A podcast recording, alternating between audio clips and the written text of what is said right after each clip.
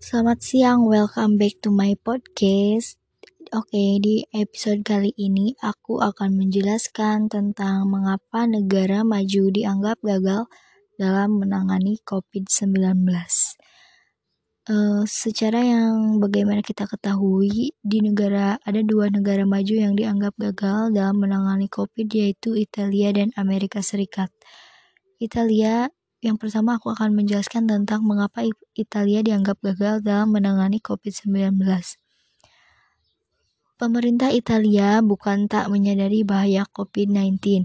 Sejak paparan di Cina, Italia jadi negara pertama yang menutup penerbangan dari dan menuju Cina pada Januari silam. Sayang, otoritas tak berhasil mengendalikan masyarakatnya. Alhasil, lonjakan kematian terjadi karena penduduk Italia telat menyadari bahaya wabah yang mereka hadapi.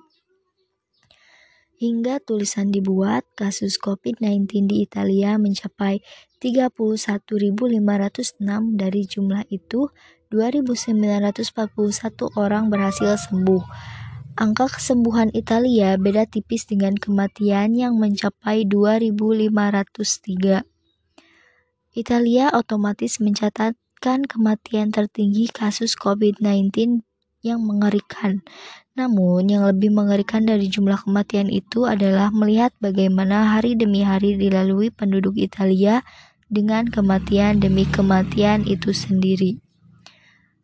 Pemerintah Italia pun dianggap gagal mengendalikan warganya ketika kebijakan lebih ekstrim terpaksa diambil.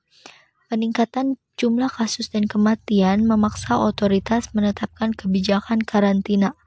Karantina ditetapkan di tiga area dengan kasus COVID-19 tertinggi atau red zone, yaitu di Lombardi, Veneto, dan Mars. Namun, rencana karantina tersebut bocor sebelum diumumkan. Kekecauan pun terjadi. Pada tanggal 7 Maret, ribuan orang panik dan mencoba melarikan diri untuk pindah ke area lain di Italia yang bebas karantina. Jadi, yang menyebabkan Italia dianggap gagal menangani COVID ini yaitu dari masyarakat itu sendiri. Yang kedua ada Amerika Serikat. Warga Amerika Serikat diprediksi akan terus menjadi korban pandemi corona dalam jumlah yang besar sampai negara bisa mengatasinya. Presiden Amerika Serikat Donald Trump dianggap gagal. Amerika Serikat bahkan masih kekurangan rencana dasar untuk mengendalikan penyebaran virus hingga memulai kembali ekonominya. Skala kegagalan pemerintahan Trump dapat dilihat dari perbandingannya dengan negara-negara di Asia. Trump dinilai gagal untuk mempersiapkan kemungkinan pandemi meluas bahkan setelah banyak korban bergelimpangan. Dia mengabaikan tanda-tanda peringatan darurat. Dia terus memperjelas risiko tinggi berulang seakan semuanya sudah terkendali. Namun demikian, Trump tak sendiri, banyak juga negara Eropa yang juga dinilai dengan angka kematian dan kasus infeksi yang juga mencengangkan di mata dunia. Saat ini Amerika Serikat berada pada tingkat pertama di dunia dalam jumlah kasus dan kematian dari virus corona yang menyebabkan COVID-19.